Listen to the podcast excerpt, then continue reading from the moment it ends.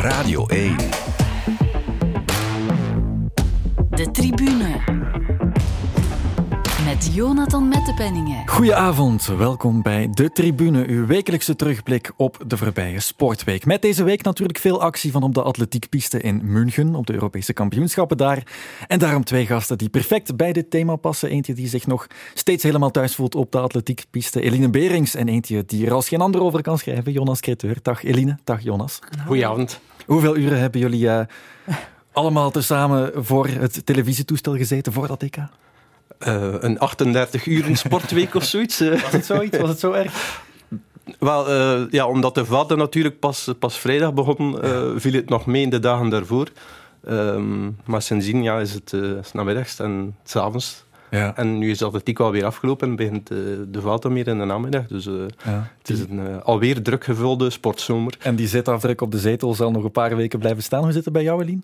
Ja, ik heb vooral naar de avondsessies gekeken. Ja. Ik moet toegeven, overdag heb ik andere activiteiten. Ehm, maar ik heb het ook wel echt intens gevolgd. Ja, het blijft voor mij de mooiste sport die er is. Ja, ja en dat, dat zo snel na het WK. Het was een atypisch grote atletiekzomer. Jullie dat ook goed verteerd? Ja, en we zijn verwend geweest. Het is echt... Ja, op dit WK was al fenomenaal. Heel, goed, heel sterk voor de Belgen, maar ook internationaal hebben we daar echt wel onwaarschijnlijke prestaties en finales gezien. En ook dit EK, ja, ook, ook heel veel emotie vond. Ik heb echt vaak, ik ben zelf een paar keer echt emotioneel geweest. Dat ik dacht, oeh, uh, atletiek komt toch binnen. Uh, ja, we zijn toch, het is echt een atletiek topzomer geweest. Ja, het was geen overkill, hoor ik, Jonas.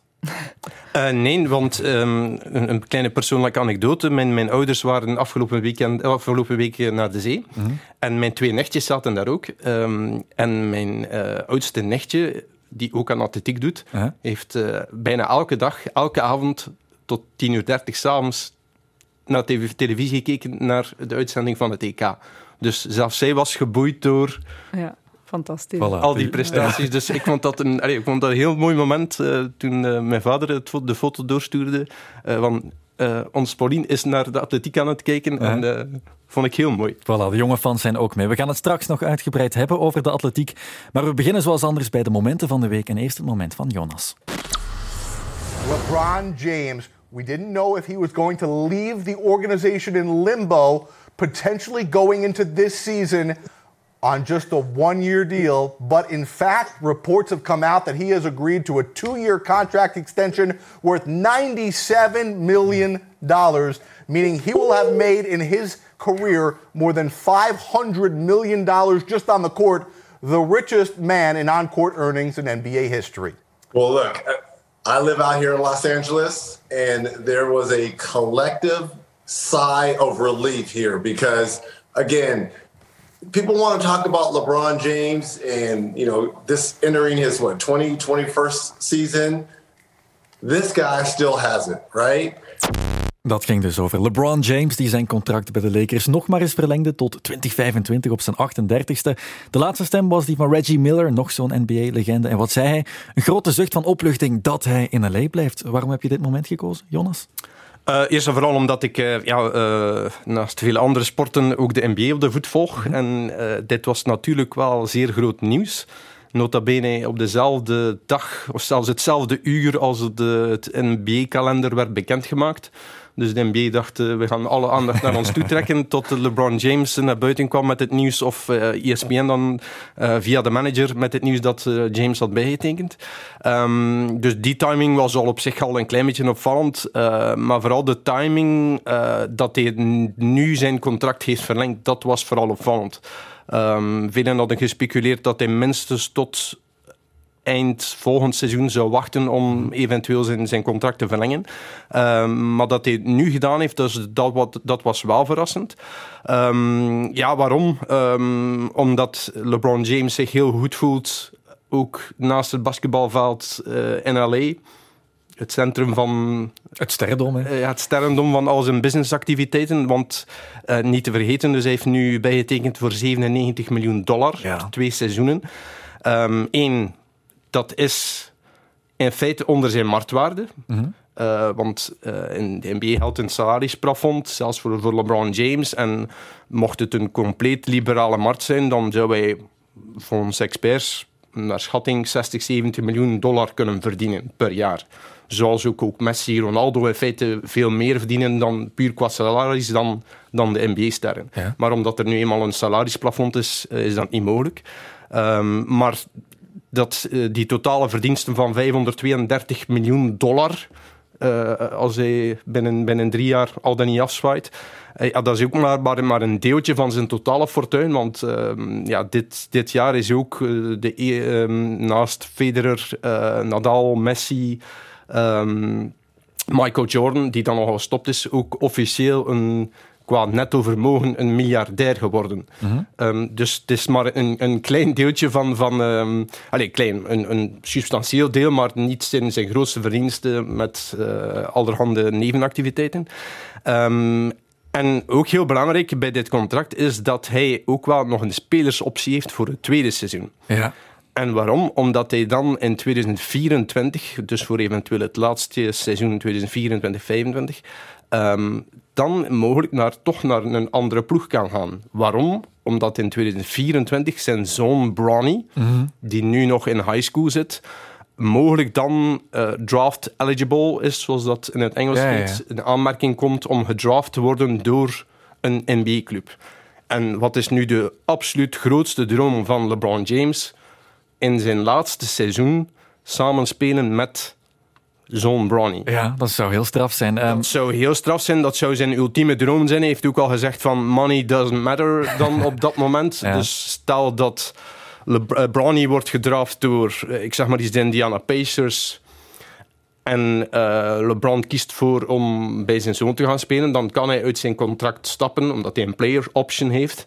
En kan hij, als hij dat wil, voor bij wijze van spreken het minimum gaan, gaan spelen in Indiana samen met, met zijn zoon. ja. En hoe groot zijn die kansen? Hoe, wat voor talent is die, is die Bronny bijvoorbeeld? Wel, is dat een- Zijn naam is groter dan zijn talent. Ja, daar vrees ik een beetje voor. Ja, ehm, dus zijn marktwaarde heeft geen enkele high school speler nog in een basketbal en nog straffer is nog in het American football.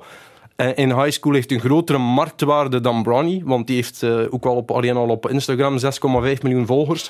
Gewoon als zoon van. Eh, als er zoals vorige week, ehm, als hij een keer een fameuze dunk doet, dan gaat dat filmpje viraal. Dat dan, Le- dan retweet LeBron dat. dat dat ontploft op social media. Dus, dus zijn marktwaarde is enorm groot. Het is niet dat hij niet kan basketten, want ehm, in de, er bestaan zo allerhande lijsten met de, de, de 50 beste prospects voor ja. de komende jaren. En daar staat hij voor de klas van, eh, van 18 jaar nu ehm, op plaats 47.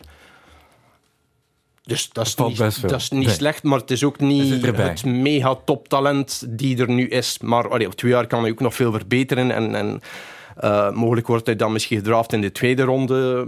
Dus Ja. allee, dat valt nog allemaal af te wachten. Eh, want er wordt zelfs gezegd dat zijn nog jongere broer Bryce... Dat die beter is. Dat die zo- in feite Ja. beter zou zijn. Oké. Ehm, v- vanaf af- afstand is dat moeilijk in te schatten. Ik heb ook nog geen volledige match gezien van Brownie, maar ehm, het, het zou natuurlijk wel de, de, de ultieme bekroning zijn van zijn carrière als, als vader op u dan bijna 40 Veertigste, jaar hè? Ja. ehm, kunt samenspelen met, met uw zoon. Of dat dat veel minuten zullen zijn, ja. Is het ooit al eerder gebeurd, vader en zoon? ik denk jij- niet. Nee, Ja. nee, nee. Nee, voilà, kijk, het zou een Eh, unicum zijn.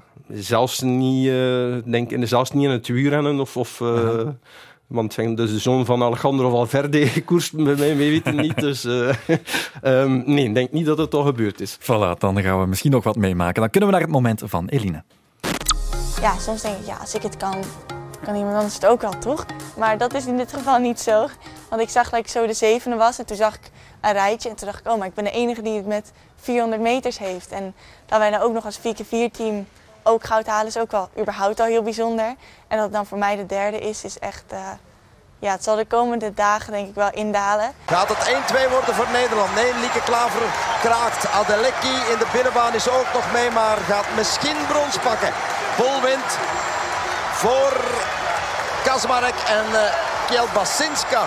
Maar 49, 4, het is niet waar, 49, 44. Ik heb nog nooit op een EK gestaan, nog nooit een medaille gehaald. En we hebben wel die gok genomen van voor hetzelfde geld hou ik, hou ik geen medailles. Maar gok geslaagd. Ja, precies. Maar ik denk dat ik op de Spelen dit niet zomaar zou doen. Het is toch zo belangrijk. Ja, Femke Bol, Nederlands superfenomeen, won op dit EK de 400 meter vlak, de 400 meter horde, al record op zich, en deed er dan doodleuk ook nog de 4x400 meter bij met de Nederlandse estafetteploeg. Het is een beetje nodeloos vragen, maar waarom heb je dit moment gekozen, Eline? Ja, voor mij de vrouw van de week. Hè. Het is, Mhm. eh, het is ja, fenomenaal wat ze doet en ze laat het allemaal zo gemakkelijk eh, eruit zien en zo gemakkelijk klinken ook. Haar interviews is zo, zo gewoon, ze is ook nog heel jong. Ja, 22. Ehm, ja, en dan ze blijft eh, ja, week na week, kampioenschap na kampioenschap, eh, gewoon toptijden lopen, topprestaties. Ze had al een, een subliem WK achter de rug, waar ze, waar ze tweede werd in, eh, in die feno- fenomenale wereldrecord eh, race eh, van de 400 horden. Ehm, waar ze bijna niet op de fotofinish stond, omdat Ja. daar nog een ander fenomeen, Sidney McLaughlin, won. En dan trekt ze naar het EK en denkt ze, goh, weet je, waarom niet gewoon de 400, de 400 horden en de 4x4? Ja, en dan wint ze niet alleen, maar loopt ze ook op elk van die nummers onwaarschijnlijke toptijden. hè. Je hoort de verbazing van Mark ook in het, in het fragment. Ja, ze loopt 49, 44 eh, op de 400 meter, wat een heel, heel straffe tijd is. Eh, eh, nationaal record ook. Dus daar heeft ze zich absoluut niet in gespaard. Daar is ze helemaal voluit gegaan. Dan komt ze op de 400 horde, loopt ze ook gewoon eventjes een kampioenschapsrecord. 52, 67, niet zo heel ver boven haar eigen Europees record. Ja, en dan sluit ze die 4x4 af met ook opnieuw een ongelooflijke remonte. Een splittijd van 48, ik moet er op mijn blad spieken, maar 48, 52. Die splittijden zijn natuurlijk niet, niet altijd even, eh, even accuraat of even exact, maar dat zegt wel heel veel over ja, het Femke Bol, die gewoon vier, ja, vier vijf koersen ja, wereld, wereld, wereldklasse loopt, elke Ja. keer opnieuw. En je blijft ook het gevoel hebben van, we hebben daar het laatst ook helemaal nog niet van gezien. Dus Dat denk is, ik ook eh, niet. Nee, dus Nee. het is eh, ja, on- onwaarschijnlijk om te volgen, heel leuk om naar te kijken. Heeft toch ook wel een aparte manier van lopen. Een, een hele, ja, het lijkt allemaal, zoals ik zei, een- geen enkele energie te kosten. Mhm. Het gaat zo vlot. Ze lijkt eigenlijk te- alsof ze aan het joggen is. Ja, en daar Maar- gezicht zie je ook niks ja, je van. ziet van niks aan het gezicht. Ja. Eh, ze, ze lijkt zichzelf ook elke keer opnieuw weer te verbazen als ze over de meet komt. Van ja, dat heb ik nu, wat heb ik nu weer gedaan? Ehm, het is een heel boeiende persoon om naar te kijken. Ja, Ja. je kon het vooraf misschien wel al noteren dat Bol ze alle drie dus zou winnen. Ze zei wel zelf dat het een Mhm. risico was om het alle drie te proberen. Straf ook dat ze onder die druk helemaal niet bezwijkt. Ja, druk en natuurlijk vermoeidheid ook. Ze Ja. komt al van het WK. Ze heeft daar toch ook de jetlag, die decompressie moeten verteren. Komt dan op een EK. Nu, op dit EK was het voor haar wel interessant dat ze de reeksen niet moest lopen. Dat is een nieuw systeem op de EK's al een tijdje.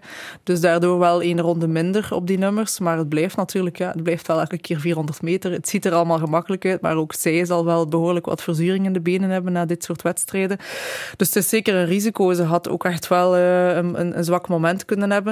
Maar daar was, eh, was duidelijk geen sprake van. Nee, zeker niet. Op de Spelen zou het niet zomaar gaan, zegt ze nog. Eh, hier op DTK nam ze dus telkens meters, meters afstand.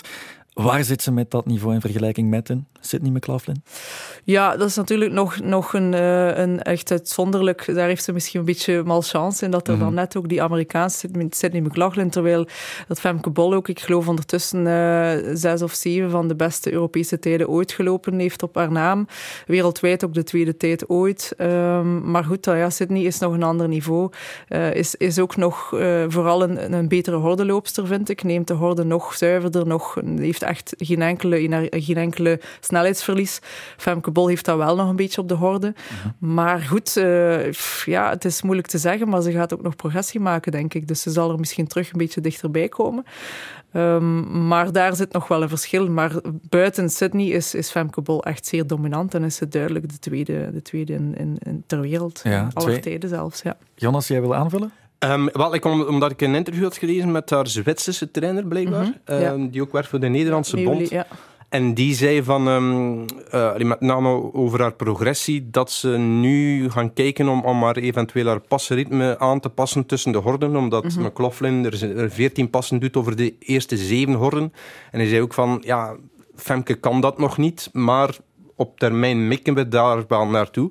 En hij zei ook- wel de opvallende zaak van, ja, misschien had ze op korte termijn dan wel een, een inefficiëntie, een efficiëntie inboeten, om dan op de langere termijn wel die winst te maken en die stap te maken naar eventueel hout. Dus dat is Ja. wel iets dat ze heel bewust mee bezig zijn van die kloof met McLaughlin proberen te dichten door die nieuwe techniek. Ja, het is, het is een zeer, zeer goede coach. Uh, inderdaad, een Zwitser. En dat is op de 400 horden eh, die, die puzzel die je elke keer opnieuw moet maken. Het op zoek gaan naar het passenritme. Het gaan, gaan ja, proberen op die limiet gaan van hoe lang kan je een bepaald passenritme uh, volhouden. En in het begin kan je dat soms een beetje cash betalen dan aan het einde. Dus dat is echt zoeken. Maar ook denk ik haar horde efficiëntie, de overschrijding, als ze daar nog een stap kan zetten, dan zal ze zeker terug dichterbij komen. Maar ook Cindy McLaughlin blijft dat doen natuurlijk. Ja, dus het ja, worden zeer boeiende. Niet... Nee, nee, die is ook nog lang niet klaar. Ook heel jong nog. Uh, ja, ja, ja, dus uh, ik denk niks. dat we nog heel veel van allebei, als ze allebei gezond blijven, gaan we daar gewoon, ja, gaan we daar nog, nog snellere tijden zien. Daar ben ik van overtuigd. Radio 1. De tribune. We blijven op het EK Atletiek, maar brengen de focus naar de Belgische delegatie. Met 48 atleten reisden ze af naar München, de grootste delegatie sinds 1950. Navi Tiam, 5776 punten. Ik denk niet dat ze in gevaar komt. Hier komen ze. Soelik voor uh, Fiets. Heeft hij dan genoeg genomen op uh, Kenny voor een derde plaats? Nee, dat is uh, niet het geval. Maar uh, Navitian is uh, voor de tweede keer Europese kampioene. Kan Kevin Borlée bij de eerste twee eindigen? Zou je toch nog eens een keertje een finale kunnen halen op een groot kampioenschap? De Zwitser voor hem is uitstekend weg. Dus het zit goed voorlopig. Voor... Oh, oh verrekking. Het is voorbij. Oh, Kimeli grijns op zijn gezicht. Het gaat uh, wat moeilijker. Nee, het wordt geen medaille voor uh, Isaac Imeli. En het wordt, als ik goed heb geteld, een tiende plaats pas voor uh, Isaac Imeli. In de estafette is het geheel meer en beter dan de som van de delen. Dat hebben we in het verleden bewezen.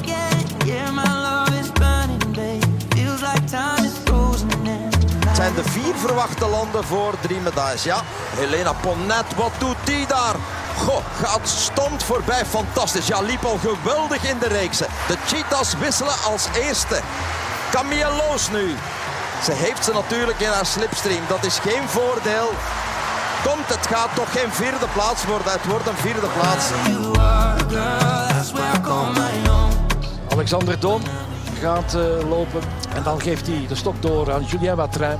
Dan Kevin Borlée. Het is raar dat hij niet de slotloper is. En Dylan Borlée, die is onze ankerman. Een medaille moeten we toch kunnen halen. Come on, Dylan. Doorbijten. Hij komt in de rechte lijn. Gaat de Fransman aanvallen. Dylan Borlée gaat naar het zilver. Goed voor België. Zilveren medaille. Goed, goed, goed.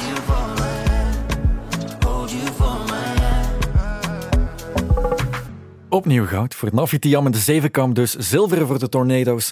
Mooie resultaten, maar ook beduidend minder dan de zes geambieerde medailles.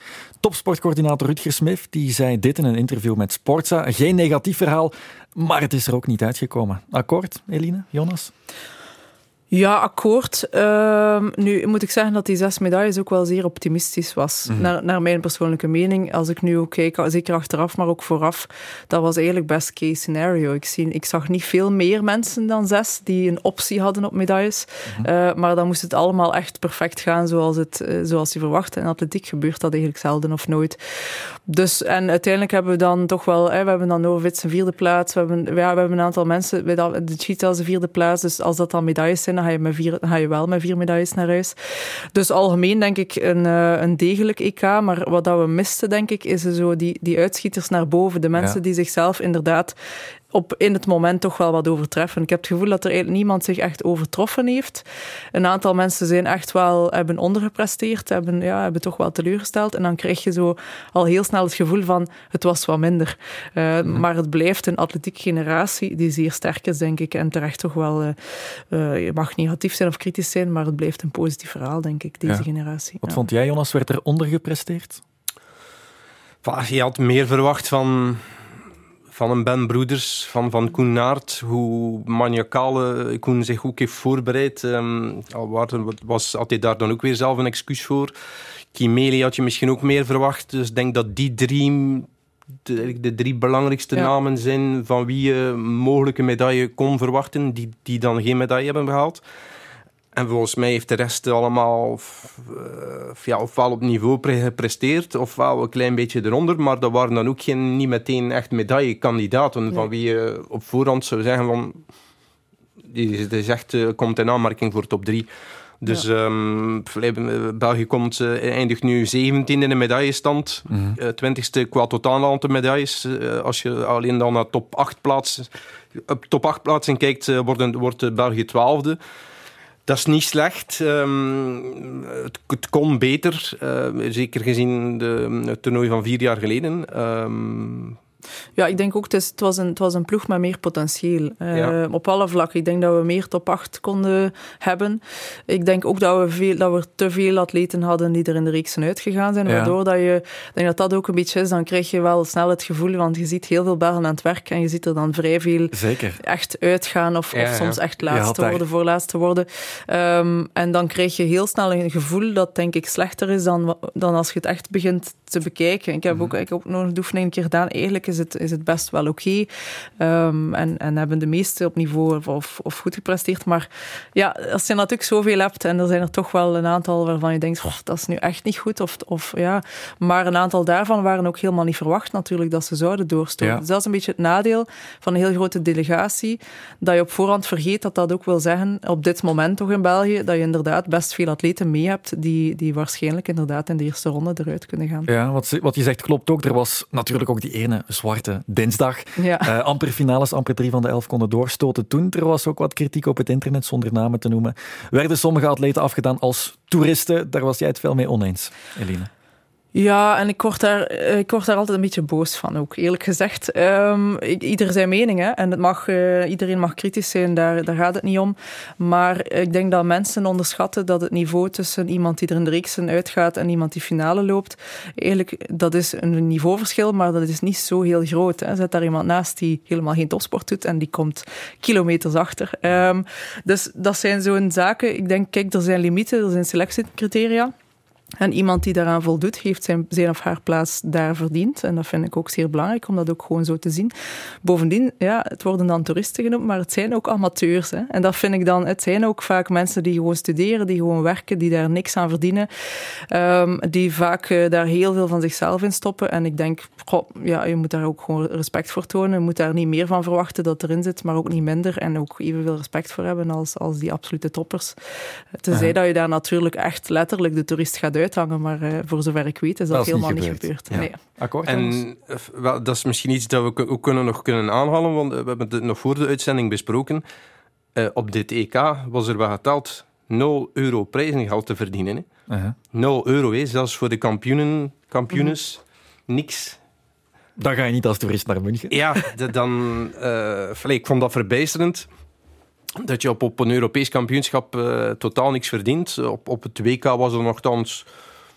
Ja, dat is nog altijd relatief in, in, in vergelijking met de bedragen van, uh, die we daarnet hebben genoemd met de NBA en enzovoort en in het voetbal.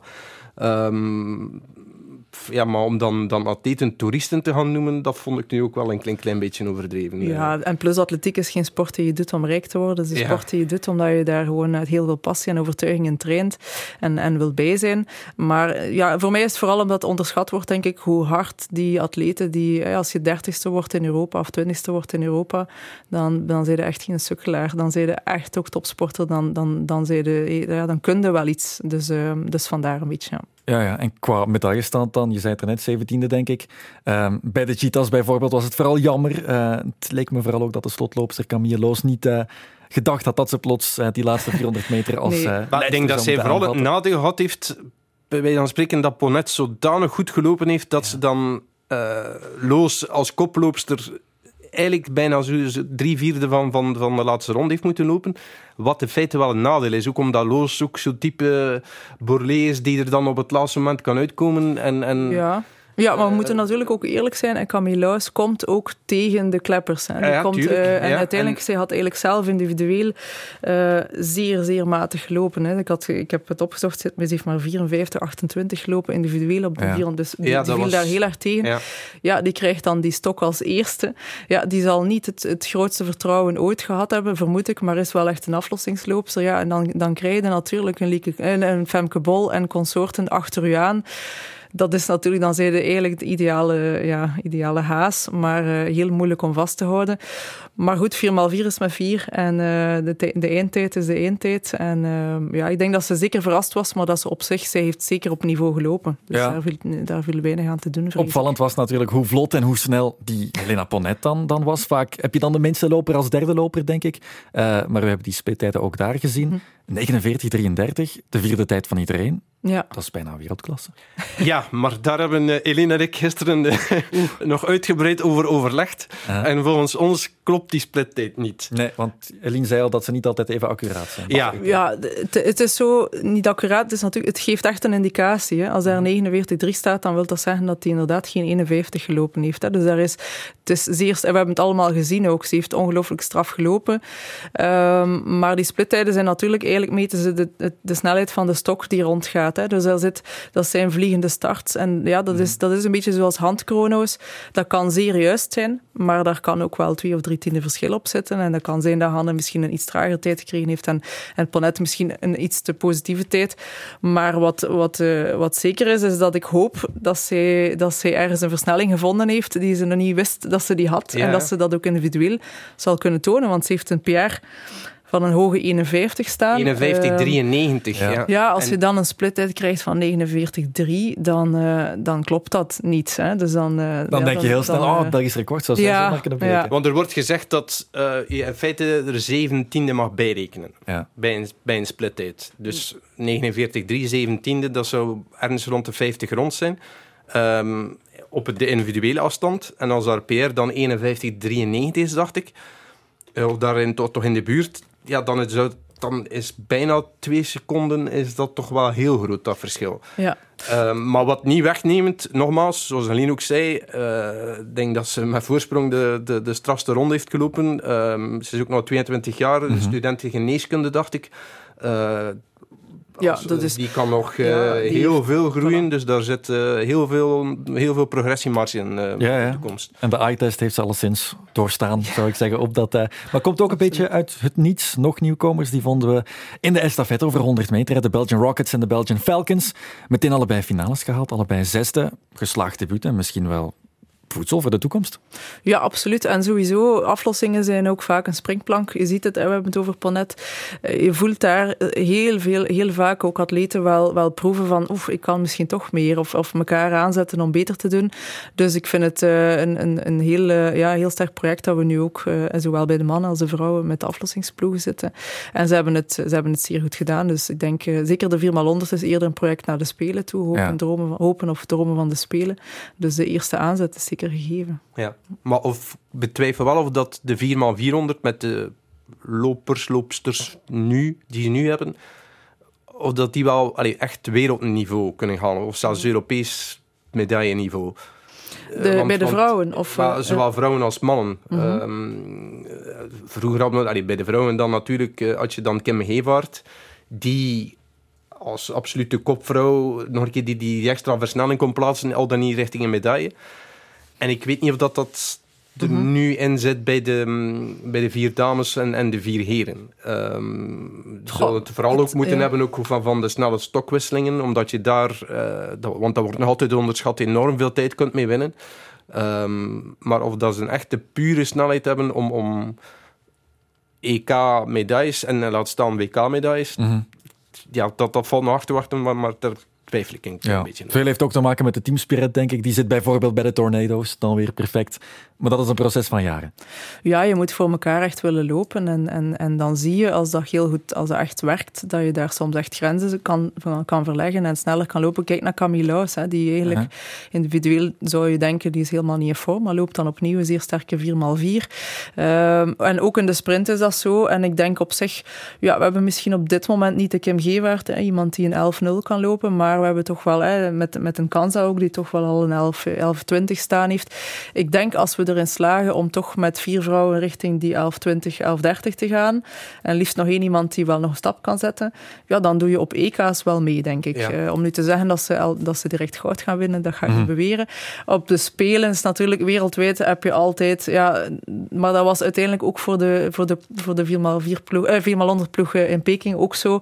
Als de Amerikanen en de Jamaicanen en alle toplanden effectief toekomen, ja, dan heb je als Europees land vaak een probleem. Maar, maar het blijft aflossingen en uh, ja, is mogelijk. Dus ik, ja, kijk naar de Britten ook stok laten vallen, ja, topfavoriet. Dus ook dat gebeurt vaak en dat kan soms in je voordeel zijn. Ja, de Tornado's dan opnieuw in de problemen gekomen met blessures deze keer. Dus met Kevin, uh, die er dan wel nog op tijd was bij de finale, maar duidelijk niet helemaal fit, dat zag je ook wel. Uh, maar toch opnieuw zilver, geen goud, maar die formule blijft wel succes opleveren. Maar wat, wat wel opvallend was, was de keuze voor Kevin dan... Uh, als slotloper. Niet als, niet, als, niet, slotloper, als slotloper, maar als derde loper. -huh. want ik had even opgezocht, ja, naast de, de statistiek die ik vorige keer al had aangehaald hier in de tribune, um, dat hij van de 30 finales die de Tornado's hebben gelopen op allerhande kampioenschappen, dat hij er 29 van heeft meegemaakt. Uh -huh. Van in 2000, de Olympische Spelen in 2008.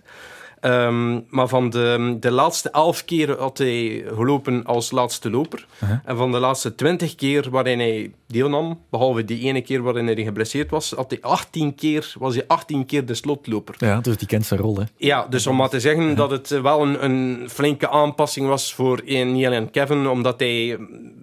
Uh, de coach had ook aan me gevraagd van probeer meer te controleren wat hij proberen te doen heeft. Wat niet echt ook, ook gelukt is, omdat hij dan uh, zich liet voorbij steken door, door de, de Fransen, dacht ik. Um, en dan moet, moet dan Dylan die rol overnemen. En ik vond wel dat Dylan, uh, ook in zijn uitleg achteraf, um, ja, dat daar heel volwassen mee omging. En, en allee, dat is ook gebleken op, op de baan zelf. Uh, want uiteindelijk heeft hij nog, nog um, de Fransen ingehaald, zilver, zilverbindingen gesleept. -huh. um, en je ziet dat Dylan misschien van alle tornado's nu dit jaar de grootste stap heeft gezet. Um, is 29 jaar, al vrij op leeftijd bij wijze van spreken. um, en toch vijf jaar jonger dan die andere. Ja, en, en um, hij loopt dit jaar voor het eerst on, drie keer onder de 45-5. Ja. Waaronder op het WK en nu ook op, op het EK, waarin hij vijfde wordt dan in de individuele finale. Dus die heeft in feite um, de grootste stap gezet. Terwijl hij, volgens vader Bollet, vorig jaar had gezegd van... Ja, ook al een twijfel was, zou ik niet beter stoppen. Dus wel vond ik een, zeer opvallende progressiemarge. Um, en als vooral Jonathan Sakour dan ook nog een keer in de toekomst die stap kan zetten. Want hij heeft al bewezen dat hij enorm veel talent heeft. Maar ja, dit jaar, mee, wegens ja. coronatoestanden, er is er nog niet uitgekomen. En misschien nog andere ja, redenen. Die, zit, die is toch een beetje... Maar goed, dat is een, een talent die, die ervoor of laat wel weer zal ja, opkomen. Ja. En dan, uh, ja, dan, hebben ze weer, dan zijn ze weer vertrokken. Dan zijn ze weer vertrokken. En ik vond het wel... De, de, keuze van, van inderdaad Kevin niet als slotloper te zetten, uh, was een zeer belangrijke tactische keuze. Want je zag effectief ook zijn manier van lopen. Mm -hmm. hij, heeft, hij, hij kon, hij mocht niet voluit lopen. Ja, ja. En een Kevin kennen, als je die laatste zet, dan gaat hij dat toch doen. En dan riskeer je dat hij niet toekomt natuurlijk. Hè. Dus het is een zeer goede, verstandige keuze geweest. Ja, ik denk wel, als, als Kevin toch uh, echt had voluit kunnen lopen, dat ze wel terug uh, voor, yeah. ja, dat ze nog dichter bij goud of goud, goud hadden gewonnen. Uh, maar dat zegt genoeg over die ploeg, dat die jaar in jaar uit, met, soms met verschillende lopers, het gewoon blijven doen natuurlijk. Ja. Met, met wat trein die zich nu ook... Ja. En goed was. Ja. Zeer goed, ja, ja. ja, ook op de 400 horden. Enorme stappen gezet.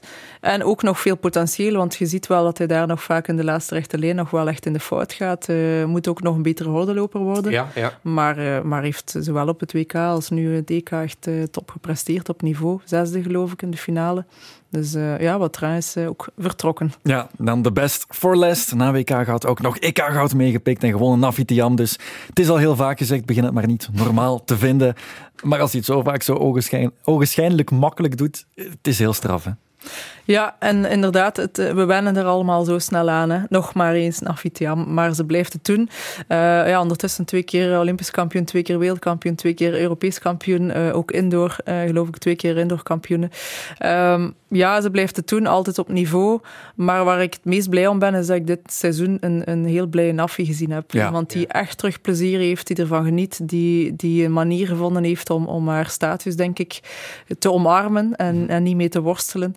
Uh, ja, ze heeft daar een enorme stap in gezet. Ik weet zelf niet goed waar het aan ligt. Uh, is het omdat het privé beter gaat? Is het omdat ze er effectief mee bezig geweest is? Maar het is voor mij zeer opvallend en, en zeer fijn om te zien. En, en misschien is dat zelfs nog, nog haar grootste overwinning van dit jaar. Ja, misschien wel, want je zag echt vorig jaar welke reden het ook had. Ik denk echt wel ook veel, veel blessures gehad, veel zaken waar we, waar we niet van weten en dat hoeft ook niet. Maar uh, ja, het is, het is zo mooi om, om grote kampioenen ook gelukkig te zien. En, ja. uh, en ik vind als dat samenkomt, ja, dan, dan wordt topsport uh, het beste wat er is. Absoluut. Er is uh, ondertussen sprake van dat het EK Atletiek zich zou kunnen afscheiden van de European Championships. dit zou al de laatste keer geweest kunnen zijn dat ze nog deel uitmaakten van dat buffet. Is dat iets dat jullie jammer zouden vinden? Of anders gevraagd, vonden jullie dit een meerwaarde? Ik vind het wel een meerwaarde. Ik denk als dat, ik vraag mij ook af, ik denk voor het publiek op zich ook wel dat het een beetje Olympische Spelen gevoel is, dat je van de ene sport in de andere kan gaan. Ik merk wel zelf uh, eerder naar de andere sporten toe, omdat dan EK atletiek is, dat ik dan, ja, als je dan daarvoor, uh, als, dat, als, je, als je weer verkeerd gekeken hebt en uh, je ziet dat de atletiek nog niet bezig is, dan gaat het toch meer als atletiek van toch een keer naar turnen kijken of een keer naar het zwemmen kijken. Dus ik denk persoonlijk dat het vooral voor de kleinere sporten interessant is om daarin mee te gaan. maar de atletiek het zelf natuurlijk waarschijnlijk minder nodig heeft, omdat mm. dat gewoon bekeken wordt ja, en de aandacht daarvoor krijgt. En misschien net nu daardoor een beetje moet delen. Ja, ik, ik, heb er op zich geen mening over, maar ik denk, uh, ik, ik vind het op zich wel een leuk concept. Ja, want wat zou het dan nou voorstellen als, als en het zwemmen en het atletiek er niet, niet bij zijn? Dan heb je heel twee, weinig. Hè? Ja, ja, dan zijn de twee grootste Olympische sporten. Ja, dan wat heb je dan horen van, van, uh, van European Games? Um. Zeker omdat het atletiek een soort het grote eindschot was van de European ja, Championships. Ja. Um, loopt ook met de meeste aandacht weg. Um, mm -hmm. Dus het zou maar een, een zeer flauw afkoeksel zijn. Ja. Gaf het jou een beetje een Olympische Spelen gevoel, zoals uh, Eline al zei? Pwah, niet echt. Uh, nee. um, uiteindelijk volg je dat ook van op afstand. Um, allee, dat EK zwemmen, allee, dat was nu in Rome, maar mm -hmm. Uh, op afstand heb je niet het gevoel dat dat, of dat, dat nu in Rome of in, in München was. Dus um, ja. ja, niet echt. Geen grote mening. Radio 1. De tribune. Mijn gasten zijn Eline Berings en Jonas Creteur. Vrijdag was er natuurlijk de start van de ronde van Spanje met een doorstart in Nederland. Met onder andere die felgemediatiseerde ploegentijdrit. 20 seconden nog om die tijd te verbeteren. Hier komen ze. Jumbo-Visma wint de ploegentijdrit in de Vuelta. En het is uh, Robert Geesink die als eerste over de streep mag. En die leider is in de ronde van Spanje. Wat een fantastisch cadeau. Pedersen aan de leiding. Het is Van Poppel die aantrekt voor Bennett. En Melier moet er nog uitkomen. Pedersen nog altijd aan de leiding. Met Bennett kan Melier dan nog uit het uh, gejoel, komen. Het is Bennett of... Bennett haalt het. Bennett haalt het in Utrecht. Melier zit daar nog altijd relatief goed. En wordt dan nu een beetje ingesloten. En dan is... Uh, dat is op rechts van Poppel. Van Poppel de fantastische lead-out van Danny van Poppel. Oh, nee, Waar strandt het? Melier helemaal weg, weg ingesloten. Komt er zeker niet meer uit. Het is uh, Bennett. Bennett. Maar Bennett wordt belaagd. En Bennett voor een twee op een rij. Bennett, Bennett. pakt hem. Twee op een rij voor Sam Bennett. En nu is er dus de rustdag met Affini van Jumbo-Visma in het rood en Roglic dus eigenlijk ook. En Sam Bennett stevig in het groen. Jonas, jij bent uiteraard heel erg begaan in de atletiek, maar misschien nog meer in het uh, wielrennen. Dus ik kan mij voorstellen dat uh, jij ook voor je tv zat voor die ploegentijdrit. Ja, omdat ik uh, altijd een grote fan ben geweest van ploegentijdritten. Ja? Um, ja, dat had al mee tot, tot uh, mijn jongere jaren toen ik voor Johan Museeuw supporterde -huh. en die via de ploegentijdrit de hele trui pakte in de Tour, in de Tour van 93 en 94, als ik het goed voor heb. Um, dus sindsdien is dat wat blijven hangen, heb ik het altijd wel graag gezien. En nu een beetje vergeten in de grote rondes, de discipline? Ja, want de laatste keer was, uh, was al drie jaar geleden in de Vuelta, 2019. Uh -huh. um, nu terug in de Vuelta, want wat altijd wel een beetje een traditie is geweest om daar te beginnen met, met een ploegentijdrit. Um, locatie was goed, um, perfecte winnaar, ook voor het thuisland dan ja. natuurlijk. Um, maar ook niet toevallig dat, dat uh, Jumbo-Visma daar dan wint. Uh, de ploeg die daar ook het meest mee bezig is, uh, qua materiaal, voorbereiding, al, alles inbegrepen. Ze hebben natuurlijk ook de motoren met, met Affini, met Rowan Dennis, die al de helft van zijn ploegentijdrit gewonnen heeft in, in zijn carrière.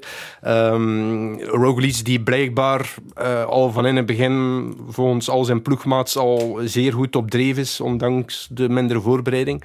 Ehm, niet toevallig won, won Jumbo-Visma niet te vergeten ook de laatste ploegentijdrit in de Tour van 2019. Ja. Ook met grote dominantie, 20 seconden voorsprong. Toen nog op, op de Bianchi-fietsen die veel minder aerodynamisch waren dan de Cervelo-fietsen waarmee ze nu fietsen. Ehm, dus ja, Jumbo-Visma heeft, heeft zich op, op dat vlak ook al ontwikkeld tot, eh, tot ja, het, het absolute... Topteam, hè? het, het topteam. 13 seconden voor Ineos, 14 dan voor, eh voor Quickstep. Ja, en, en daardoor zit um, Roglic nu in een zetel met, met eh, eerst nog een keer drie ploegmaats die ehm, ook de rode lijstrui hebben mogen dragen. En daar merk je dan ook dat allee, Lefevre, Patrick Fever zegt dan, eh, ja, ze waren van een andere planeet.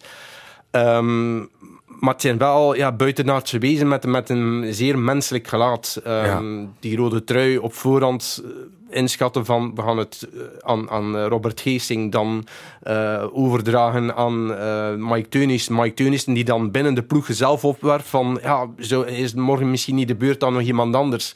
En dan merk je dat die sfeer daar binnen die ploeg daar heel goed zit. En, en ondanks alle harde, keiharde beslissingen die ze soms moeten nemen en durven nemen, zoals Geesing thuis laten voor de Tour, dat daar ook wel een, een heel groot menselijk aspect ehm, in, in, in die ploeg zit. En, en dat, is, ja, dat is het geheim van, van, van, van, van een topteam. Hè. Ja, in de sprints was het dan Sam Bennett die er eh, bovenuit stak. Minstens een beetje opvallend, dit jaar nog maar één keer kunnen winnen. En natuurlijk ja, te maken gehad met mentale problemen de laatste jaren. Maar, ja, vorig jaar ehm, knieproblemen gehad. Eh, de bekende discussie met, met eh, Patrick Lefevre Die dacht daar iets anders jaar. van. Die dacht daar iets anders eh, in te zien. Ehm, is dan teruggegaan naar eh Bode Hansgrohe. eh, voor een, een, een nieuw dik loon. Toch wel weer met, met druk erop. Want bij Bode Hansgrohe lachen, ze- lachen ze er ook niet om als, als ze niet presteren. En dan ja, komt hij ook wel van, van, van ver terug, ook, eh, door die knieblessure. Voorjaar viel tegen, wint dan wel de zeer belangrijke eh, eh, koers in Frankfurt op 1 mei, wat voor het Duits team wel heel belangrijk was. Dan dacht je, hij is vertrokken. Eh, maar dan nemen ze hem toch niet mee naar, naar de Tour de France, wat, wat voor, voor Bennett een enorme klap was. Ehm, eind juli heeft hij dan wel te horen gekregen van oké, je mag meegaan naar, naar de Vuelta. En dat heeft hem wel voor het dan een stuk terug gerustgesteld van oké, eh, ik krijg nu toch nog mijn kans. En ehm, ja, met, Danny van Poppel vormt hij nu het, perfecte duo. Hè. Ehm, Danny van Poppel, eh, zelf ook ex-sprinter, 15 koers gewonnen. Al 19 jaar ook al meegedaan aan de Tour. Maar dan blijkt dat hij zichzelf ook niet... Allee, we, spreken, we spraken daarnet ook van, van, van, van geluk, eh, zoals over Nafitiam en, en Van Poppel, die door de druk als, als voor, om voor zichzelf te gaan te veel druk voelde, zichzelf niet gelukkig voelde. En nu in die rol zich wel perfect gelukkig voelt en, en niet die grote druk moet torsen en, en echt blij is als, als hij... Want op het EK, toen hij Jacobsen naar de, naar de zege eh, loodste, nu ook twee keer, drie keer met de handen in de lucht, bijna even blij als... als Ja, en je krijgt er dankbaarheid voor terug. en dat kan je en, ook helpen. en hij heeft zelf ook gezegd van... ehm, ja, ik, ik win liever drie keer dan dat ik tien keer moet zelf moet sprinten en misschien één keer zelf kan winnen en voor de rest altijd moet verliezen. En ehm, in sport is, ik denk dat Eline dat ook wel kan beamen, is heel belangrijk dat je, dat je weet van welke rol kan je in een bepaalde ploeg innemen. En ehm, dat je dat beseft naar, ook volgens je eigen kwaliteiten, niet te veel, maar ook niet te weinig. En, en als je dan die perfecte rol hebt en daarin gelukkig bent, ja, dan, dan zie je dat, dat, dat een, een atleet echt eh, boven zichzelf gaat uitstijgen. En, en ja, misschien op dit moment nu eh, ja, de beste lead-out man ter wereld is. Voilà, Morkov opzij geschoven. Ehm, ja, want Morkov is dit seizoen nog, heeft dit seizoen nog niet gedaan wat hij de vorige... allee, wel bepaalde wedstrijden, maar nog niet ehm, zoals de voorbije jaren. En is ook wel op leeftijd. Dus ehm, niet toevallig hebben ze bij, bij, de Koning Quick, eh, bij, bij, bij Quickstep iets liever, of Soudal Quickstep volgend jaar. Nu ook Casper Pedersen ingehaald, als eigenlijk de opvolger van Morkov. Ehm, dus dat is ook niet, eh, niet toevallig natuurlijk, omdat ze ook wel zien dat Morkov, ja, ik denk, ik denk dat Morkov 6, 37 is ook is, dus het zal ook niet, niet, niet blijven duren. Dus ehm, Nee, met, nee. met, met Pedersen zo hebben ze nu wel iemand die wel in zijn voetsporen kan treden. Maar, maar ehm, Van Poppel is momenteel, ja, als, als eh, de sprint aantrekken een kunstvorm is, is eh, Van Poppel een, eh, een Nederlandse meester geworden eh, op dit moment. Ja, Dus, eh, en nog iemand die een hele goede lead-out heeft, dat is eh, Tim Merlier, onze sprinthoop. Eh, die kwam er toch twee keer te weinig of niet aan de pas. Derde in de tweede rit, uh, zesde in de derde. Kettingproblemen gisteren, zit hem ook niet mee dan. En hij wil zo graag dat TK-verlies toch, toch wat ja, afschudden. Ja, um, uh, ik denk dat het ook voor een stuk te maken heeft met zijn gebrek aan lead-out. Um, want zet zit Merlier ja, in, in het wiel van Danny van Poppel en dan, dan bent Merlier misschien. Uh, of bijna, mag je bijna met zekerheid zeggen. Maar ja, um, heel zijn ploeg werkt ook de hele dag. En hij heeft geen echte lead-out mee, behalve Vermeers en Tamigno. Maar dat zijn ook niet de mannen die hem, hem naar de sprinten kunnen loodsen. Um, en als je dan ja, een, een beetje pech hebt uh, met, met een, een kwakkende McLeay, met, met dan die, een ketting die overslaat door de manoeuvre van, um, van Kokar, ja, dan is dat twee keer niks. En, en, en dan is het wachten tot uh, rit 11 op, op een nieuwe kans. Hè. Ja, en, um, de kansen zijn er wel nog. Ja, maar dan moet Merlier natuurlijk de, al die bergen overleven. Ja. En dat wordt uh, naast ritten winnen ook wel ja, misschien zijn, zijn belangrijkste uitdaging om Um, nu eindelijk die, die, grote ronde te kunnen uitrijden. Ja. Maar ook niet te vergeten, want er wordt vaak gezegd: ja, ja het is een kermiscoureur, ik kan, ik kan geen brug over en dus ook geen ronde, grote ronde uitrijden. Niet te vergeten dat hij uh, in feite maar uh, echt wielerwegprof is sinds uh, ja, 2020, 2019 wordt hij dan wel nog wel Belgisch kampioen, maar dat was ook maar een heel korte voorbereiding. Mhm. Mm -hmm. En al de seizoenen daarvoor had hij nauwelijks 20 koersdagen, omdat hij gewoon fulltime veldrijder was, die in, op, in de zomer ergens uh, een beetje op de weg koerste.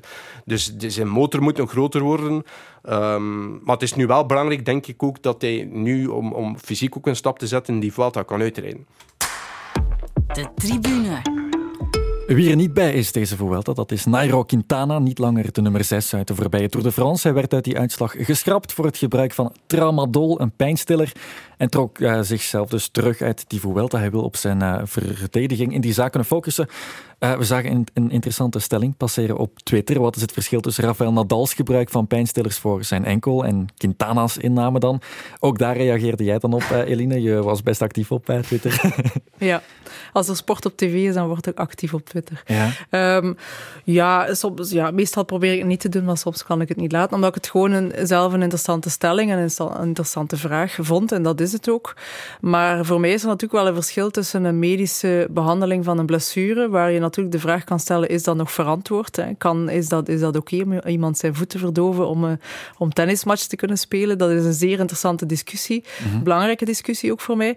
Maar het andere gaat natuurlijk om een middel nemen waarvan je weet dat het gewoon niet toegelaten is. Hè? Het moet natuurlijk nog bewezen worden waarschijnlijk. Er zal nog wel onderzoek naar gedaan worden. Maar goed, je wordt eigenlijk betrapt op een middel waarvan, men, waarvan elke top, uh, top wielrenner uh, van weet dat als je dat inslikt, dat je iets inslikt, dat je niet mag, dat verboden is. Dat, om gekende redenen, om twee redenen, omdat het als gevaarlijk beschouwd wordt, omdat het toch wel onder andere duizeligheid, je kunt er wel wat flauw en wat minder reactief van worden. En plus, ja, een pijnstiller helpt natuurlijk. Ja, uh, pijn in de benen, als je de bergen oprent, is ook pijn natuurlijk. Dus een pijnstiller helpt natuurlijk wel om, om die pijngrens wat te verleggen. Mhm. Dus ja, dat zijn echt wel middelen innemen die, ja, die, waarin je op zoek gaat naar toch wel wat prestatiebevorderend of helpend. Um, en ik vind dat wel iets anders. Ja, je hebt niet gereageerd op die tweet, maar ik veronderstel dat je wel een mening hebt, Jonas. Uh, op, de, op dit vlak uh, geef ik ja, gelijk. Uh, ik, ik kan, Nadal heeft, um, heeft het bekende voetprobleem al sinds zijn tienerjaren, zijn syndroom van Müller-Weiss. Um, op Roland Garros was, was het zelfs zodanig erg dat, dat hij op een bepaald moment uh, op, op, op, denk dat de tweede of de derde ronde amper kon stappen. Um, ja, ze hebben dan, dan ja, met, met zware inspuitingen ja, zijn voet ja, bijna ontzenuwd, bij wijze van spreken. Um, ja, je kan je afvragen van hoe dat hij dan überhaupt Ja. heeft kunnen, kunnen, kunnen spelen. Mhm. Um, maar ja, die discussie kan je inderdaad wel voeren. Mag je dan iemand in feite zo iemand wel toelaten? Nadal heeft toen ook nog na Roland Garros gezegd van dit is de laatste keer dat ik dit Ja, nog doe.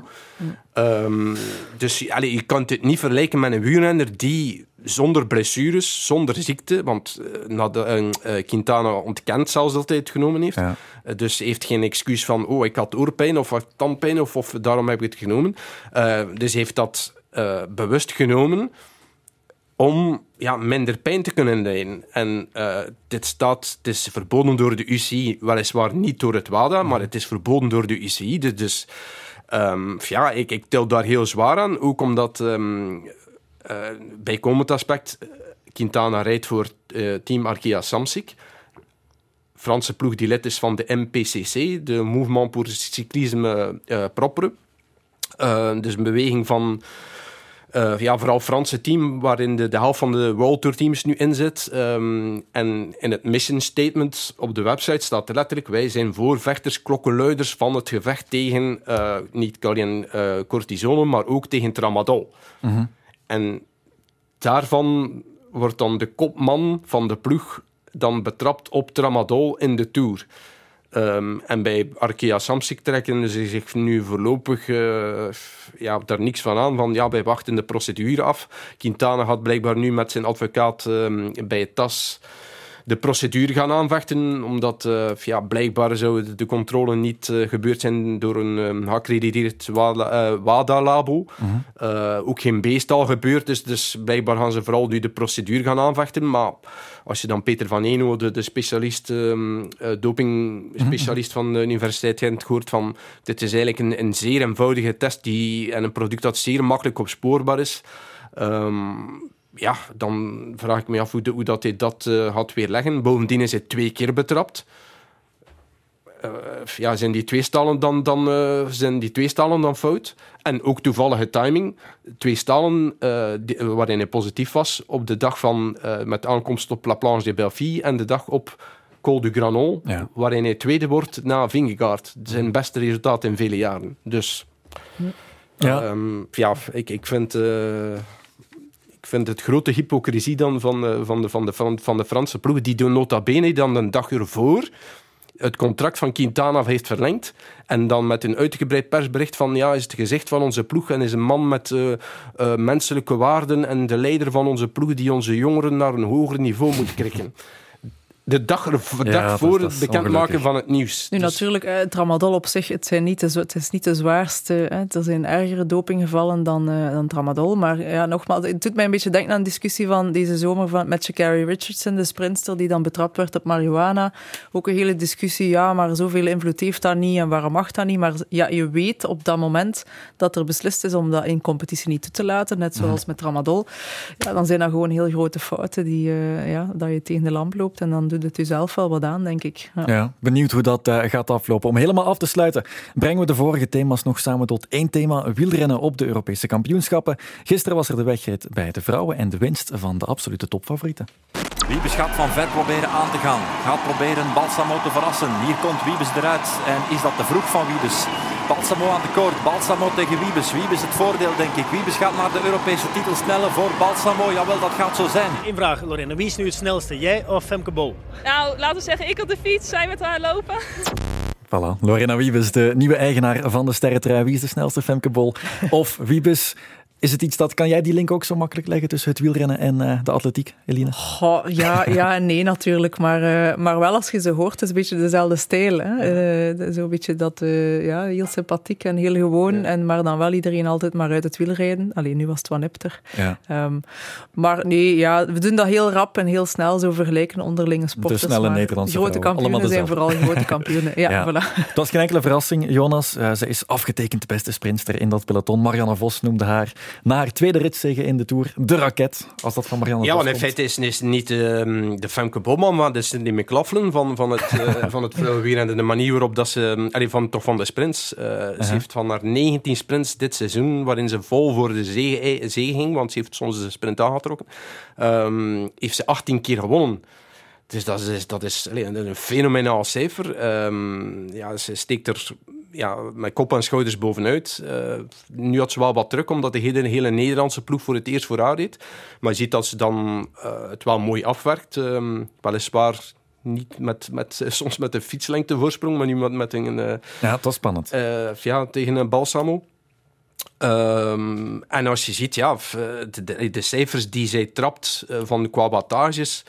Um, er zijn daar cijfers van verschenen. In, in de Tour heeft ze op de, uh, bij haar laatste ritoverwinning heeft ze een maximale wattage getrapt van, 13, van uh, 1304 watt mm -hmm. voor 60 kilo. Dat is um, ja, 21,7 watt per kilo. Dat zijn bijna cijfers die, bijna, die, die mannen bijna halen. Wat de lichtgewichten dan. Um, dus, dus ja, je mag dat echt niet onderschatten wat, wat, uh, omdat het een, een vrouw is, zo gezegd. Ja. nee, dat is echt topniveau van de, van de bovenste plank. Ehm, en ze wil zelf nu, dat is nu qua volgende tour, om, ze wil ook meegaan naar het WK in Australië blijkbaar. Om, ze weet van, dat parcours is te lastig, maar kan er een betere renster worden. Ik wil daar eh, rijden voor Marianne Vos, om haar aan de wereldtitel te helpen. En om zo dan langzaam te groeien als tot een iets meer completere renster. Ja. Oké, voilà. Dan zijn we zo goed als rond met de tribune. Waar kijken jullie nog naar uit in de komende sportweek? Dat is de laatste vraag, dus ik ga jullie die ook stellen. Weinig atletiek, dat kan ik zeggen, Eline. Eh, val jij misschien even in een zwart gat? Nog ja, een beetje wel, maar binnen voilà, ging ik zeggen, maar binnen elf dagen Memorial van Damme. Dus ik kijk daar wel al een beetje naar uit. En toch ook de ontknoping van de Vuelta ga ik ook wel volgen, denk ik. Toch? Ja, toch wel. Oké, dat is mooi. Jonas, jij? Eh, ik kan niet anders antwoorden dan de Vuelta. De ja. Vuelta. Nog iets daarbij? Of, eh? Ehm, ja, zoveel staat er toch de eerstkomende dagen niet op het programma, dacht ik. Dus, De eh, grote leegte komt. Voilà, dan zijn we blij dat die Vuelta er toch voor iets tussen zit. Dan kan ik eh, alleen nog maar mijn twee gasten bedanken. Eline Berings en Jonas Creteur, merci. Volgende maandag is de tribune er opnieuw. Dan is Nicola de Brabander uw gastheer. En dan zal het waarschijnlijk ook nog eens gaan over de Vuelta.